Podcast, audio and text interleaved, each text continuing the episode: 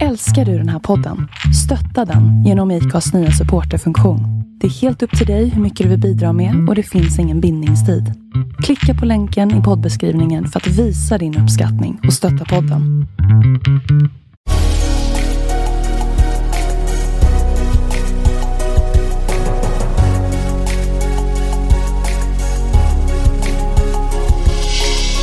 Välkommen till podden Vart är vi på väg? I denna podd intervjuar vi sociala entreprenörer och andra personer som är involverade i ekosystemet kring socialt entreprenörskap.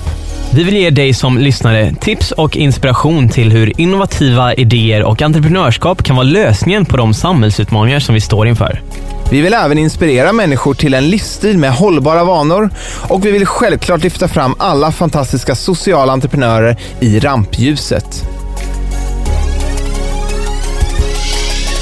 Välkommen till dagens avsnitt som idag spelas in på västkusten och närmare bestämt sagt i Göteborg.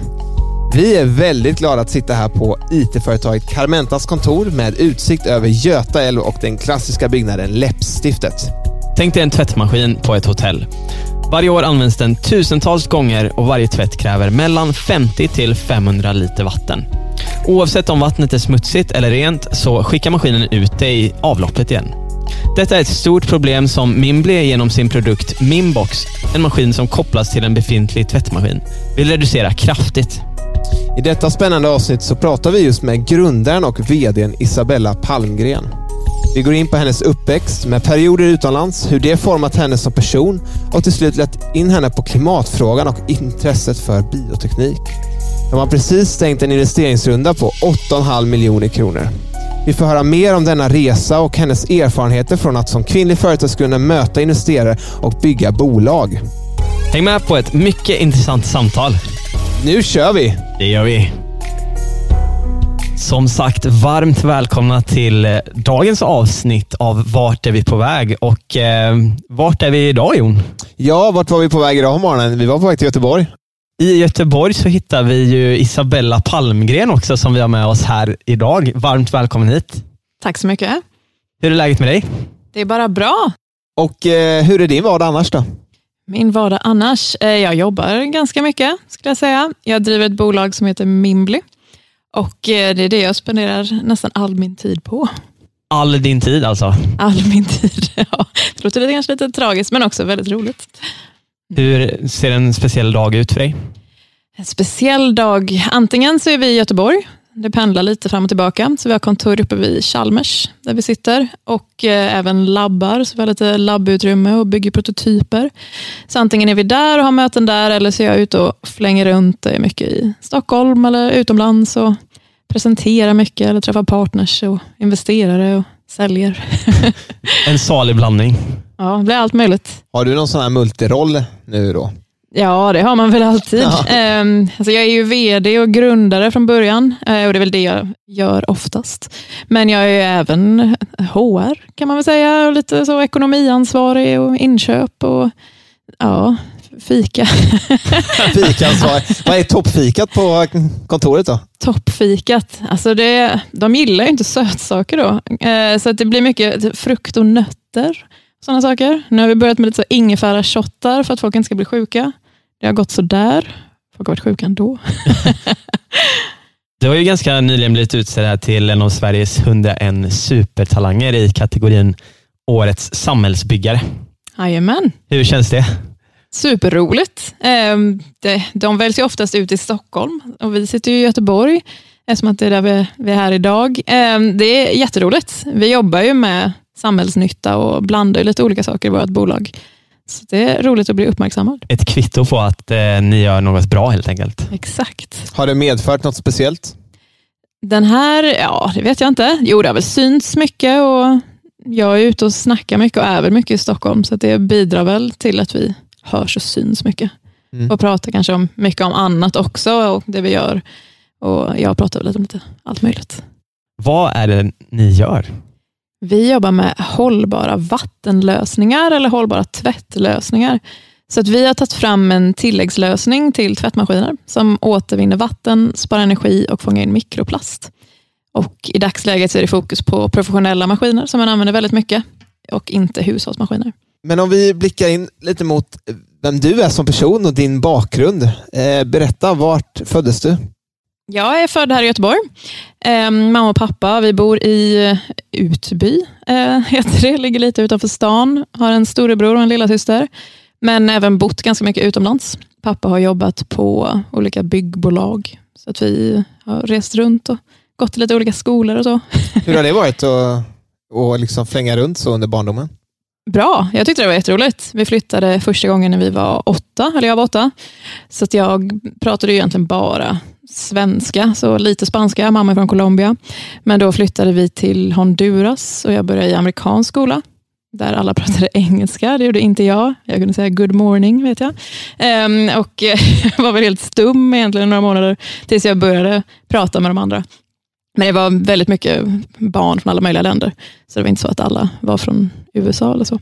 Men det var jätteroligt. Och Sen flyttade vi därifrån till Panama och då satte de upp en svensk skola. Så då var vi väl 20 barn kanske. Jag vet att jag var ensam i mitt var år. Var det flera barn som också var där av samma anledning? Exakt, så att då var alla med på samma bygge. Då.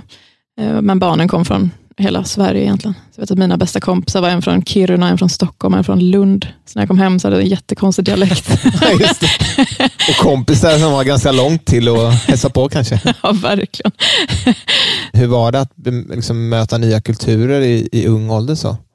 Jag tror att det är jättebra och hälsosamt. Alltså det blir ju väldigt chockerande kanske. Man vet inte hur det funkar och man får lära sig väldigt mycket. Men när man är barn så anpassar man sig så himla snabbt.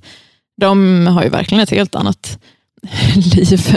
Eh, I Honduras så var det ju mycket alltså, så, så, lite rikare familjer som gick i den skolan. Vet jag. Alltså det var så gated, så man fick komma in i skolan. och Det var många som hade vakthundar och det var annorlunda. Det var inte, det var inte svenskt i alla fall. Nej. Jag vet att vi kom dit och man fick hålla så debatter med klasskompisar och skriva långa rapporter när man gick i tvåan. Och brorsan vet jag fick så sjunga nationalsången första veckan och memorera den utan till. Ehm, så det var väldigt annorlunda. Sen efter det så flyttade vi tillbaka till Sverige. För att då började brorsan gymnasiet. Så då vill vi vara tillbaka igen. Och jag började skolan i Partille. Hur gammal var du då? Då var jag 12 tror jag. Så uh, största delen fram till dess var du på resande fot då egentligen? Eller på?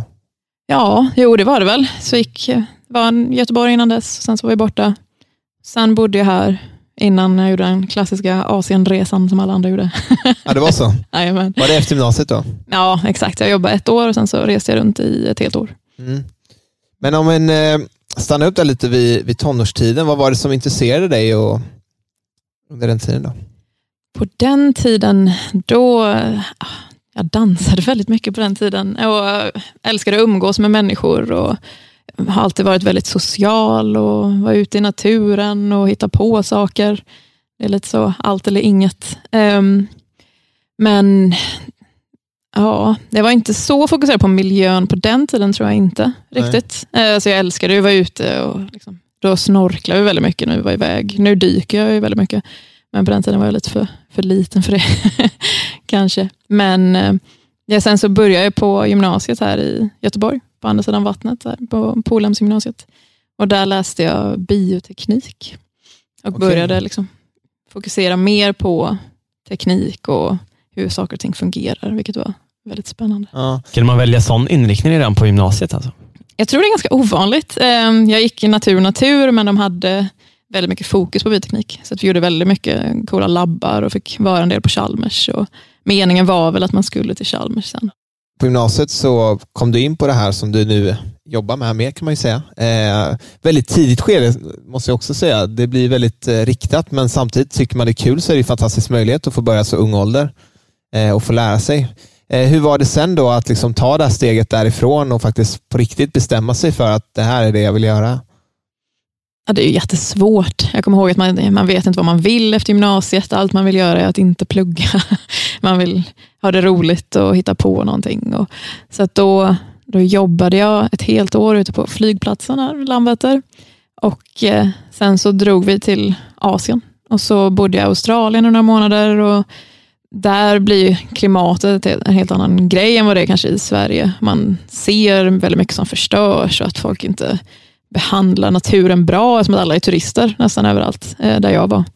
Vilket är jättesorgligt. Och började väl dyka också, vara liksom mer kring havet och se den biten. Och sen när jag kom tillbaka så visste jag att ja, jag ska plugga någonting. Jag vet inte vad jag vill plugga. Och sökte till civilingenjör, för då visste jag att så här, om jag är det kan jag jobba med vad jag vill.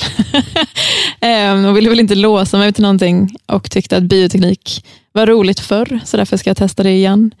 Sen efter tre år tyckte jag inte att bioteknik var så roligt längre. Så att, eh, då pluggade jag utomlands igen och pluggade i Indonesien en sväng, vilket var väldigt roligt. Och Sen kom jag tillbaka och började plugga entreprenörskap och affärsutveckling. Men efter tre år där på Chalmers och du eh, ville vill ändå tillbaka till eh, Indonesien i det här fallet. Då. Vad pluggade du då för någonting?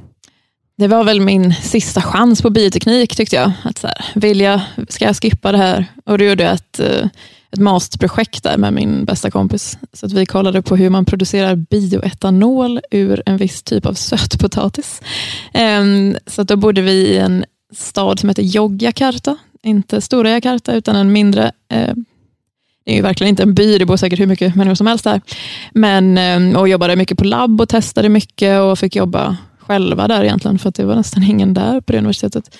Men eh, upptäckte väl att så, nej, det här vill jag faktiskt inte göra. För att jag känner väldigt många som älskar att liksom stå på labb och göra sådana här tester och jag blir mest uttråkad. Men hur ser en sån dag ut liksom, när man gör det? ja, Indonesien blir nog väldigt annorlunda kanske jämfört med i Sverige. Ja, men... Eh, men... där, vi hade en liten moppe som vi hade, så då körde vi till en marknad som låg en timme utanför stan köpte fem stycken sötpotatisar, åkte tillbaka till eh, universitetet och kom in där på vårt labb och sen så skulle vi liksom börja analysera de här olika sorterna. som då ska liksom bli väldigt precisionsarbete. Att du först ska liksom ta en viss mängd och sen ska de in i olika provrör och sen så ska du, de ska lägga i vattenbad i olika temperaturer under vissa tider och sen ska du mäta då med olika spektrofotometrar. Efter du var klar med eh, sötpotatisarna i eh, Indonesien, då flyttade du tillbaka till Sverige och hakade på eh, Chalmers entreprenörsprogram, eller vad kallas det? Ja, exakt. Entreprenörsskolan på Chalmers. Och det Hur var, var det? Det var jätteroligt. Det var en helt annan upplevelse. Man sökte in också utan att det baserades på betyg. Utan man sökte in på intervjuer och man skrev massa olika uppsatser om hur man ska rädda världen och varför du tycker att du borde vara liksom inom det här. Men vad var steget från potatisen till att entreprenörskapet? Liksom? Ja, steget var väl att nu ska jag göra någonting helt annat och jag vill jobba med människor och jag vill liksom skapa någon typ av förändring. För att jag tycker inte att samhället är så rättvist. Jag tycker att det är mycket som behöver förändras. Och Det är lite samma typ av personer kanske som eh, styr över mycket. Så därför valde jag väl också att söka in till entreprenörsskolan och komma in. Har du sett dig som en entreprenör tidigare liksom under din uppväxt? Jag vet inte. Jag har varit väldigt driven hela tiden. Jag började jobba när jag var 13-14 tror jag. Jobba extra. Så sen har jag alltid jobbat extra vid sidan om skolan och vill alltid ha haft mina egna pengar och liksom göra egna saker och kunna bestämma själv. Vilket jag tycker är, är viktigt. Men också att så här, okej, jag vill åka till Spanien den här sommaren när jag är 18. Okej, men då får jag väl jobba. ja, det var ett, en tydlig prägel hemifrån också, liksom, att, att man ska lära sig att ta hand om sig. Och... Ja, jag vet inte. Vi, jag och mina syskon är väldigt olika också. Eh, men mamma och pappa har väl alltid varit väldigt drivna och så jobbar en del. Det är inte som att de hade jag bett om pengar hade jag säkert kanske fått, fått hjälp, så, men det har ju ändå varit att det får du lösa själv om det är någonting som du verkligen vill göra. På entreprenörsskolan, vad var det för projekt som du jobbade med där? Då var det på an, under andra året. Så första året så läste vi mycket så psykologi och hur man fungerar i grupp och blev väl utsatt för mycket stress så att man ska hantera när man startar bolaget andra året. Och Vi startade faktiskt Mimbly direkt. Så det var jag och en klasskompis som drog igång det och valde att fokusera på vatten. Han var från Mexiko och också bott lite överallt och visste också att vatten var ett väldigt stort problem. Så att vi kollade lite på avsaltning och liksom dricksvatten och kollar på hur man kan spara vatten på lite olika sätt och fastna ganska fort för tvätt. För att där, eh, det är liksom tredje området där man använder väldigt mycket vatten. Kollade mycket på Hans Rosling då också, när, hur liksom förändringen blev när man började använda tvättmaskiner. Och jag vet att vi såg upp till honom jättemycket. Jag skrev ett mejl till honom vet jag också och att så här, vi håller på att starta det här projektet och vi vill ta ut tvättmaskiner till eh, förorterna i Mexiko där man inte har tvättmaskiner. vi skulle göra liksom en hel laundromat och han svarade bara, det här låter jättebra, men det kommer bli jättesvårt. det var det. Så att vi... Och då är det ändå optimisten själv som ni skrev till. Verkligen. Så då, då ändrade vi om lite och jobbar liksom bara med vattenåtervinningsbiten. Ehm, så kanske vi kan komma dit så småningom, det får vi se. Vad var skillnaden nu från den första idén till till det vi har idag? Ja, men vi började väl med att vi skulle ha så solpaneler och vi skulle återvinna vatten och vi skulle ha tvättmaskiner i liksom en container nästan. Så skulle man betala med telefonen. Och, men vi visste väl också att så här, vi vet ju inte hur man gör betalning via telefon. Vi vet inte riktigt hur man jobbar med solpaneler. Och vi visste inte heller hur man skulle återvinna vatten. Så det var väldigt mycket vi inte kunde då. Eh, och valde väl att så här, okay, vi måste fokusera på någonting och då får det bli vattenåtervinningen för den är viktigast. Och eh, det räckte lite. Eh, för att det var ett, ett stort projekt och det visade sig att det fanns en väldigt stor marknad även i Sverige där man har väldigt mycket tvättmaskiner. Och Sen är ju målet såklart att nå ut till där det inte finns något vatten och det vill vi fortfarande. Hur gick det till när ni mer utkristalliserade det här företaget tillsammans? då? Ja, men hela det året så satt vi i en inkubator, så att då fick vi gratis kontor, eller så, mot ägande. Då. Eh, så hade vi kontor och de fixade bokföring och körde allt det legala också, så vi kunde fokusera bara på bolaget. Berätta om det här med inkubator. Då. Ni satt ju på Chalmers då, eh, på deras program där. Hur, hur funkar ett sånt program? När vi gick där, då så satt vi på deras inkubator. Då hade de en hel våning där alla bolagen satt. Och man blev ihopparad med någon typ av idégivare eller forskare eller vad det nu kan vara. Så att vi har jobbat med ett bolag som sitter i norra Sverige. Han jobbar mycket med produktion och hårdvara. Och han kom dit och pitchade 20 olika idéer.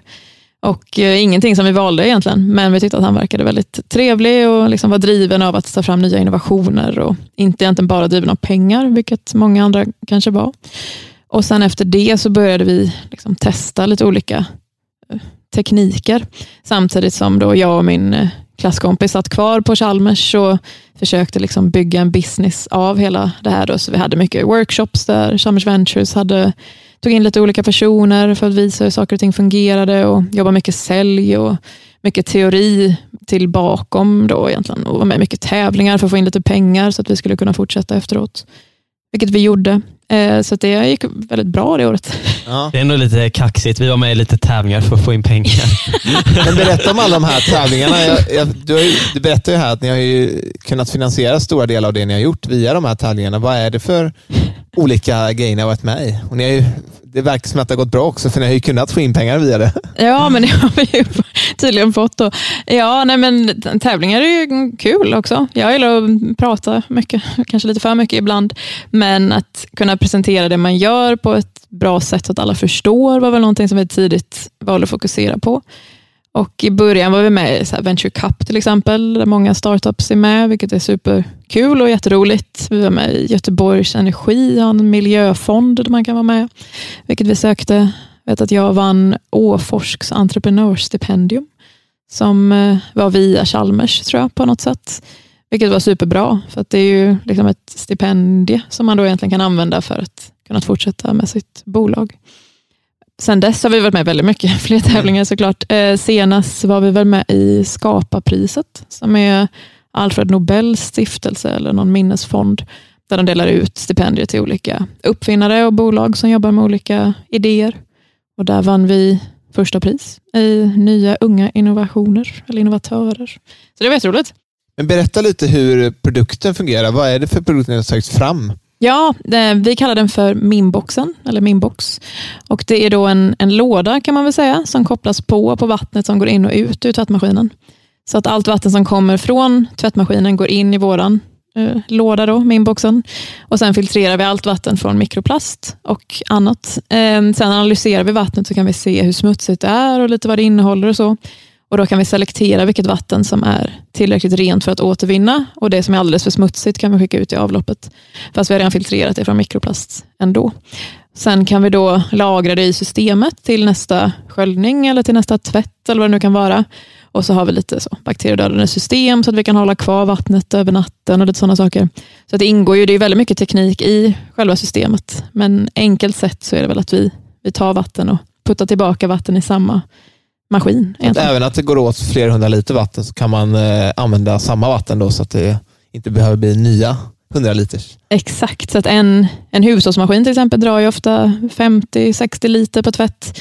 Om du har en, liksom en sån toppmatare som man har i USA så kan den dra 150 liter för en tvätt. Och Då kanske du slänger i liksom fyra plagg. så det är väldigt, väldigt mycket vatten som går åt. Nu börjar maskinerna bli bättre då såklart, men eh, det används fortfarande väldigt mycket vatten. Och en sån lite större tvättmaskin då? Eh, så här, som man kanske har i tvättstugan eller på industrier. Hur mycket vatten tar en sån? De kan ju ta väldigt mycket vatten, så från kanske 50 liter till 500 liter per tvätt ungefär. Så att de eh, drar ju väldigt mycket. Sen kan de ju tvätta väldigt mycket såklart, men det är inte alltid man fyller dem till sitt, sin fulla kapacitet.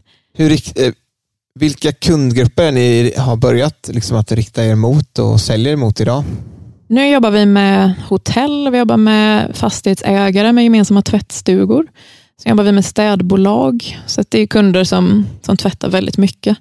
Och Det har väl att göra med det där vi kan ha mest impact, så vi kan spara så mycket som möjligt. Men det är också de som sparar så mycket pengar som möjligt, för att de använder väldigt mycket vatten och energi. Är det någon speciell liksom, forskning, något som ligger bakom just att ni valde den här produkten eller det här sättet att jobba? Inte direkt, utan vi hittade problemet först och sen tog fram tekniken efter det.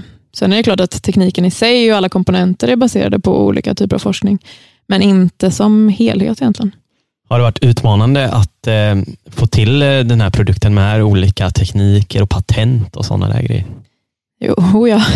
Det har varit mycket fram och tillbaka. Eh, Vissa gånger går det jättebra och allt funkar hur bra som helst. Och sen ibland så är det inget som funkar och allt ska krångla och man vet inte varför. Så att teknikutvecklingen är ju alltid eh, jobbig. Det finns ju alltid problem. Man vet ju aldrig när man är klar heller, utan man kan ju fortsätta utveckla i all evighet. Vilket vi gör ibland, känns det som. Men nu har vi ju verkligen kommit mycket längre än vad vi gjorde när vi startade. Då. Patent och så är ju väldigt eh, viktigt också i en sån här bransch som jobbar med hårdvara. Och Det finns väldigt mycket stora bolag som jobbar med hårdvara, kanske inom liknande produkter eller så. Så det har vi fokuserat på sedan dag ett också. Och är väl en del från entreprenörsskolan tror jag också. Att man jobbar mycket med, med IP och liksom skydda med patent och så.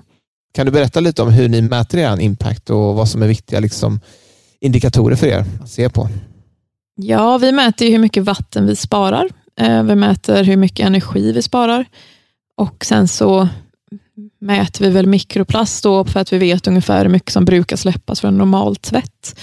Och då kan vi även beräkna till slut hur mycket koldioxid de sparar när man mäter både energi och vatten. Hur mycket sparar ni in på de här delarna? Det varierar lite beroende på vem man är som kund, men det ligger väl ofta runt 50 till 70 procent normalt. Hotellen brukar ligga på 90 procent vatten ungefär, för att de tvättar bara rena saker och de tvättar nästan alltid bara samma saker. Så det blir väldigt mycket lättare, medan tvättar man moppar och så med städbolagen så är det väldigt smutsigt och då kanske man sparar mindre vatten. Och energin ligger väl på 30 procent som medel ungefär. Det varierar också jättemycket, för man tvättar mycket varmt. Hotellen tvättar nästan alltid 90 grader hela tiden och då kan du spara väldigt mycket energi. Så det, Men det här är ju extrema siffror egentligen. Det borde ju inte vara ett snack om att man vill investera i det här som hotellägare. Exakt det jag vill höra. Nej, men så är det väl. att eh, Det blir ju väldigt höga siffror och även om vi bara sparar 50 procent så är det ju jättemycket också. Även om vi vill spara mer och mer hela tiden. Så att det är ju ett, ett stort problem med en, en lösning som vi verkligen försöker få ut på marknaden. Och om man skulle investera, eller en industri eller ett hotell skulle investera i er lösning, er produkt, hur lång tid tar det ungefär innan de har sparat in, om man bara kollar på det ekonomiska? då? Det varierar då också såklart beroende på vilken kommun man bor i. I Sverige så ligger vattenpriser på mellan 10 till 50 kronor per kubik ungefär för att ta in vatten och släppa ut vatten. Och energin är väl lite mer samma runt om i landet. Men det ligger från säg tre år till sju år för att kamma hem den. Men medel ligger väl på runt fyra, fem. Så att det går ändå hyfsat fort om du tvättar normalt mycket. Och då räknar vi på, då är inte riktigt hotellen, de ligger ju snabbare än så. Och går man utanför Sverige och kollar på Danmark eller Tyskland så kostar vatten fem gånger så mycket än vad det är i Sverige. Och då går det betydligt snabbare. Och när får vi se er på privatmarknaden och vad är det liksom som ska till för att det ska bli en, en, en bra marknad? Eller? Vi vill ju gärna komma ut på privatmarknaden senare. Um, gärna med en partner kanske, eller så, för att kunna nå ut till en stor privatmarknad. Det vi vill göra innan dess är väl att testa systemet vidare och så att allting verkligen fungerar för att kunna ta fram en billigare lösning. För ska vi nå privatmarknaden så kan det ju inte kosta så mycket som att du kan köpa en tvättmaskin för 3000 kronor ungefär. Och Då kommer du inte kanske köpa en tilläggsprodukt som kostar mer än tvättmaskinen. Så där måste vi ner ganska mycket i pris och kanske ändra systemet lite grann, men det är ju fullt möjligt. Ni startade ut det här utifrån att ni såg ett behov att i många länder så finns det inte tillgång till vatten och tvättmaskiner på det här sättet som vi är vana vid.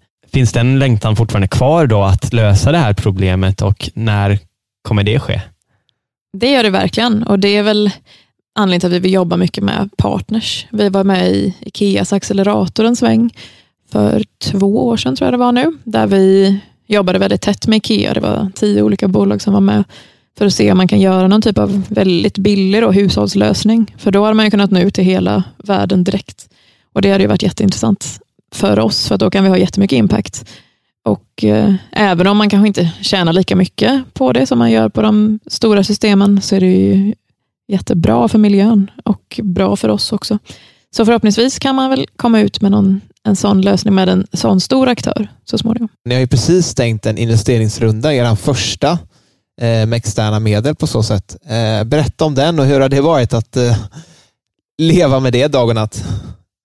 Ja, det är jätteroligt att vi äntligen har stängt en runda. Det var första rundan också, som sagt.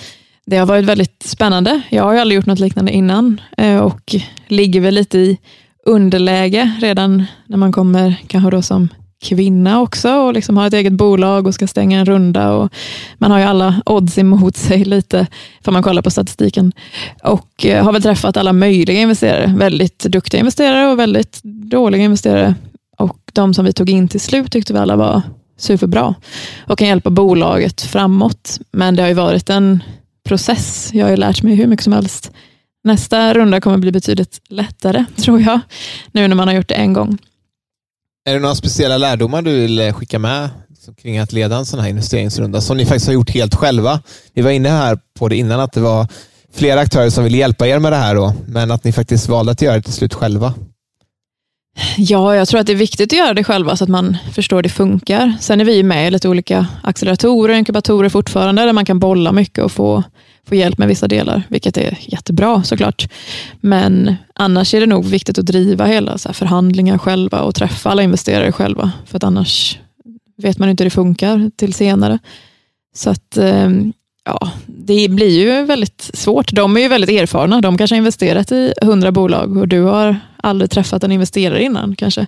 Så ju fler investerare man träffar, desto mer lär man sig också hur investerarlingot funkar. Det är liksom ett det är som ett dating game. Du försöker liksom hitta någon som då vill dejta ditt bolag och gå in i bolaget. Eh, samtidigt som ingen riktigt säger nej, fast det är många som ändå säger lite nej. Fast man måste liksom läsa det här och, på något sätt. Ja, vi hade med en tidigare gäst, eh, Sebastian här från Beleko. Han berättade just att eh, han var ute just då och dejtade en massa investerare som han kallar det. Att han skulle åka på en datingturné. Men det är väl verkligen det det handlar om. Att lära känna varandra. Man ska ändå dela bolag ihop. Verkligen, och att eh, alla talar lite i koder. Så. Att alla är jätteintresserade, för ingen vill missa chansen att vara med. Men sen är det ingen som riktigt tar första steget. Och så fort någon tar det här första steget och bara så vi är med, och vi kan stoppa in så här mycket pengar, då vill alla andra vara med också helt plötsligt. Så det var ju, är ju kul. Så att när vi stängde så blev det att vi liksom tog in två till sista veckan, eh, för att det blev så. Okej, okay, så den blev lite övertecknad då? Ja, det blev det väl. Men har det varit eh var det så pass att ni fick välja och vraka lite på slutet där då, eller? Lite grann, eh, vilket är såklart väldigt roligt om det händer en själv, för så brukar det ju inte vara. Eh, men de som kom med var ju verkligen superbra, tyckte vi. Och liksom kompletterar varandra väldigt bra också, kommer från olika håll. Och vissa kan liksom hårdvarusidan väldigt mycket, vilket är något som vi tyckte var väldigt svårt att hitta. Någon som har antingen skalat ett eget hårdvarubolag innan, eller har jobbat med att ta fram en produkt som inte är en mjukvara eller en app eller så, som, som också kan hjälpa till att starta produktion och hela den biten. För det är också en, nästa djungel som vi ska in i. Du satte fingret också på just det här att statistiken talar emot att kvinnliga grundare just ska lyckas med finansieringen och vad, hur ser siffrorna ut där? Det är väldigt lite. I Sverige tror jag att det är under en procent som går till kvinnliga grundare. Det är under tio som går till blandade team, där det är minst en tjej med. Så det är ju väldigt dåliga siffror. Eh, och eh, de flesta investerare man träffar är ju, är ju inte heller tjejer, om man säger så. Jag har kanske träffat tre av 200 som är kvinnor, så det är väldigt få. Aktören, eh, entreprenörer, hur är fördelningen där då mellan män och kvinnor? Kontra då som du säger, det är väldigt få kvinnor som får investeringar. Jag tror inte att det är mindre än en procent av bolagen som är med kvinnliga Nej. grundare i alla fall. Sen är det nog väldigt olika beroende på vilket fält man kollar på. Och kollar man på, på tech-sidan eller kollar man väldigt mycket kanske på ett nischat område inom AI eller så. Då kan det nog se olika ut. Men jag känner jättemånga grymma kvinnliga investerare som driver bolag, så det finns ju verkligen många ute. Och blandade team finns ju verkligen. Alltså, sen, man kan ju vara fem stycken som grundar ett bolag, varav en är tjej. Varför, varför är det så här? Ja, jag tror att man ofta vill jobba och investera i bolag som är lika sig själv. För man resonerar mycket med de personerna och sitter man och snackar liksom och då dejtar folk om de känner att ah, det här är precis som jag när jag var i den åldern. Och så här, ja, de tänker ju precis som jag. Då blir man ju lite mer säker i vad de kommer leverera. Vilket inte alltid behöver stämma heller. Utan det är väldigt många bolag som går dåligt eh, eller som, som inte funkar. Och eh, så är det ju. Upplevde du på något sätt här när du var ute och dejtade investerarna, att eh, på något sätt att de såg på dig annorlunda för att du var kvinna? Ja, det skulle jag verkligen säga. Det var väldigt olika. Vissa var väldigt professionella, vissa var ju väldigt mycket mindre professionella. Det var många som ifrågasatte och så här, sa väl att så här, ja, men du kommer inte vara vd efter vi går in, så, för du kan ju inte vara vd om du är tjej. Så, så här, ja, det är inte? sådana tongångar fortfarande? Alltså. Ja, det, det finns. Eh, men mest då för att eh, kvinnor är då gatherers, liksom, om man går tillbaka till liksom, att vi är grottmänniskor och allt möjligt. Alltså, herregud vad mycket skit man får höra. Vad säger man då? Ja, alltså när man är på plats så kanske man inte säger så mycket. Alltså det, jo, det beror väl på. Jag har haft mycket arga diskussioner också, att, men så är det ju inte. Alltså det måste du väl ändå se, att det finns ju kvinnor som är ledare och som driver bolag. Det är ju ändå en, en lögn, så sett. Medan vissa, när man kommer på möten, så här, kollar på en och bara, så här, vad gör du ens här? Vem tror du att du ska träffa i det här kontoret? Lite så. så här. Jag har ju också ett väldigt svenskt namn och kanske ser inte helt svensk ut. Så jag har väl även det emot mig då, när man är ute, vilket eh, påverkar hur de ser en själv.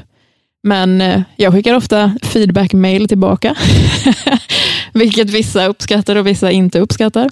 Där jag kanske säger då att här, nästa gång när ni träffar någon så borde ni inte fråga varför man ens är i huset när ni har bokat in ett möte för att träffa en. Men det är väl ofta den äldre generationen som, som ifrågasätter väldigt mycket. Så här, men varför gör du ens det här? Kvinnor vill ju bara skaffa barn, det vet vi ju. Min fru ville bara skaffa barn. Så jag säger, ja, fast din fru är väl inte alla kvinnor i hela världen, eller? Um, så det är väl mer nu, i alla fall i Sverige, när alla pluggar väldigt mycket och man har mycket kompisar som är spridda och man umgås väldigt mycket, så ser man ju att alla kan ju vara drivna. Det är inte så att uh, bara för att du är av ett kön så vill du bara göra en sak, för så är det ju inte. Det kommer ju mer bolag som har liksom kvinnor i sig som lyckas och kanske gör en exit, blir väl också investerare så småningom. Så det håller ju på att förändras. Och tjejer stöttar ju tjejer väldigt mycket. Vi har mycket kvinnliga nätverk med alla andra entreprenörer, kanske i Göteborg. Och så ses man har lunch. Och så här. Om man har krismöte så kan man sätta sig med liksom alla de andra bolagen. Bara, vi behöver hjälp med det här. Hur löser vi det? Här, alla, ingen får säga någonting utanför det här rummet. Ehm, men och sånt är ju super, super bra, vilket jag tror att ibland vissa killar kan jag säga, så här, oj, gud vad ni ses mycket och liksom stöttar varandra inom de här problemen. Det önskar jag att vi hade också. Nu har ni i alla fall lyckats med att stänga den här finansieringsrundan. Hur ser det ut för Mimbly nu, post finansieringen? Vad skiljer sig i vardagen? Ja, att vi har pengar är väl den väldigt största förändringen. Att vi kan göra mycket och kan jobba på snabbare än innan. Nu har vi hållit på i sen vi bolagiserade i snart tre år utan att ta in pengar. Så att vi har ju jobbat på med, med lite finansiering, men lyckats göra väldigt mycket. Så att, eh, det ska bli väldigt roligt att se om vi ska skala teamet en del och byta kontor och kunna liksom ta produkten från där den är idag till att bli produktionsklar och faktiskt köra ut med kunder. För nu har vi väldigt mycket kunder som vill köpa och som liksom vill testa. Och att äntligen kunna göra det ska bli väldigt bra. spännande och eh, vi hoppas verkligen att det ska eh, gå bra med alla de här processerna som vi nu eh, startar igång med produktionen och så vidare. I eh, den här podden så fokuserar vi på socialt entreprenörskap eller impact, vad man nu vill välja att kalla det. Vad är det för dig? Socialt entreprenörskap, jag tycker det är väldigt mycket som går in i, i det och impact. Vi jobbar ju med miljö då, liksom hållbarhet på den sidan, att vi ska spara in på våra resurser och återanvända våra resurser, vilket vi tycker är väldigt viktigt och är bara dumt att inte göra. Sen jobbar vi väldigt mycket med att vi är ute och, och pratar och liksom föreläser om olika typer av problem och forskningsrapporter som har att göra med vatten kanske och mikroplast. Jag är med mycket ibland, så här, Women in Tech, och ute och pratar om hur det är att driva bolag som, som tjej och kunna liksom ändra de klyftorna lite grann och visa mig mycket och är med mycket ja, men dels också i tävlingar och så för att det ska finnas någon representerad på scen som inte brukar vara där. Så att eh, fler ska våga starta och jobba inom det här spacet också. Kan du känna att du får uppmärksamhet bara för att du är kvinna också? Det tror jag. Det är verkligen. Jag tror att det har varit bra för bolaget också, eftersom att vi då är med i en del så här Female Founder-tävlingar till exempel. Och ifall man ska åka till, till USA eller ifall det är någon tävling som är internationellt eller i Sverige, om det, de också vill kanske representera lite olika personer på scen, så finns det säkert eh, vissa som väljer bara på grund av det. Vad är det som driver dig att eh, jobba med impact och samhällsförändring? Jag tror att det är vår generation fokuserar väldigt mycket på impact och hållbarhet för att vi märker väl att vi är på väg utför och att vi kan inte hålla på så som vi gör längre.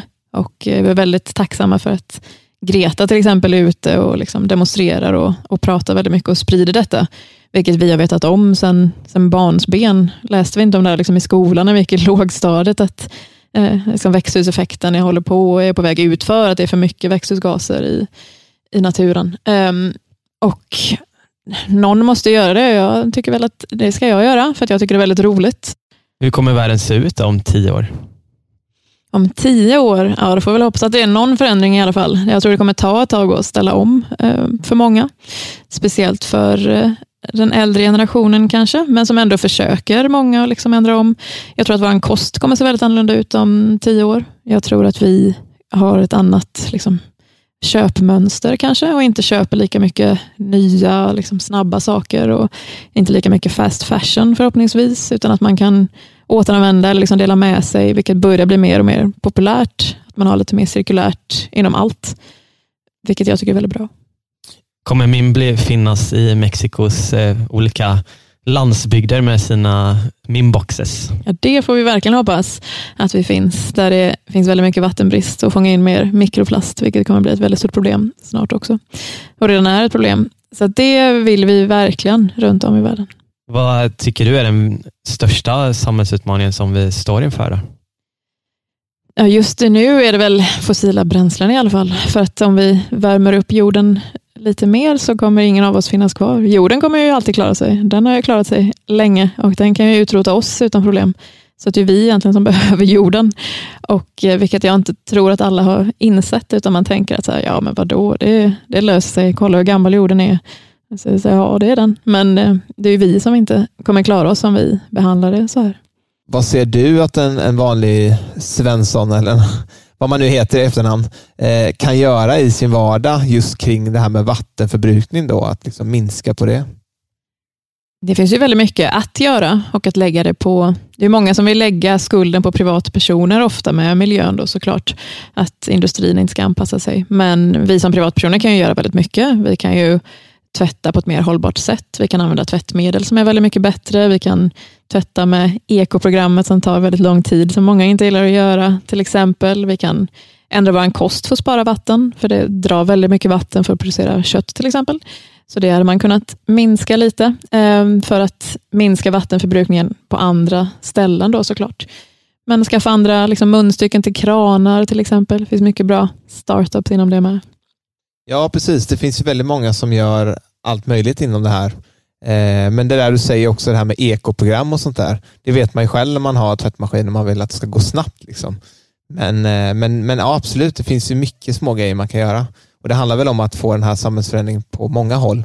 Eh, ofta kan det även att man gör det, kan jag tycka, så även att jag kan göra väldigt enkla val så kan man ju ändå känna sig överväldigad. Ja, men det är bara jag som gör det här.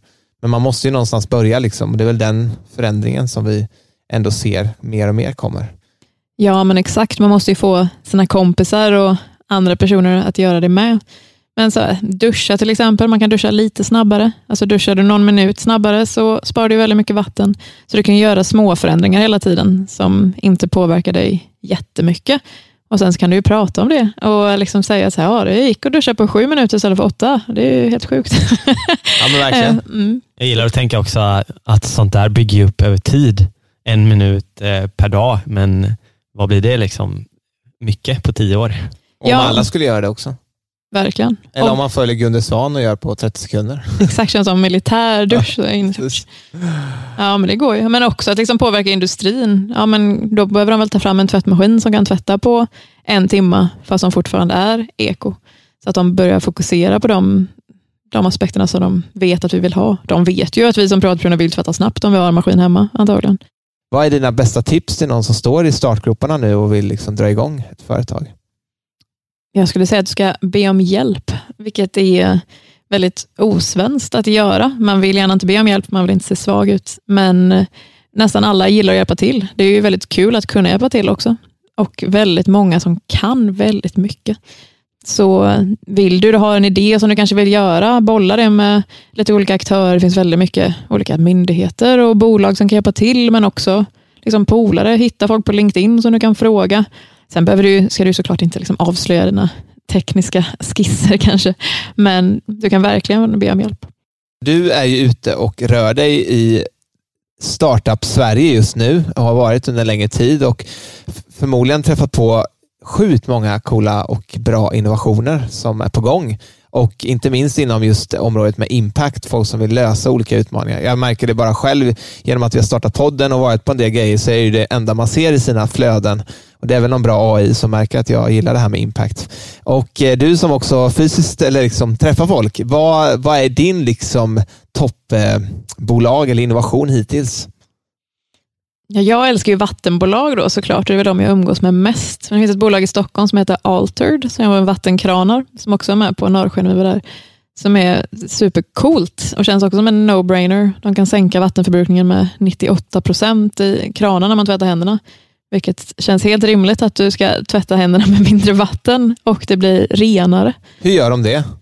Ja, de liksom delar upp vattnet i väldigt små partiklar, så det blir som vattenånga egentligen. Man har gjort mycket tester på så hur man tvättar och att det blir renare och att bakterier och så försvinner. Vilket är jättebra. Alltså jag tänker så här, flygplatser och sånt, där du inte ska dricka vattnet. Då spelar det ingen roll ifall det kommer ut en ånga eller ifall det är en Så rinnande. det är inte rinnande vatten som känns som att det är mycket vatten och det är lite, utan det är en helt annan typ av konsistens på det. Exakt. Alltså, Det finns lite olika då, så den kan liksom spraya ut eller så blir det som en, en mist, då, som en ånga. Coolt. Ja. ja, det får vi kika upp. Och Har du någon du vill intervjuas i podden?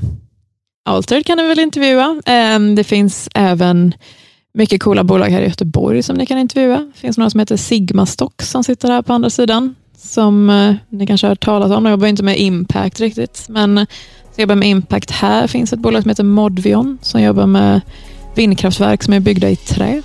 Vilket är Okej. supercoolt.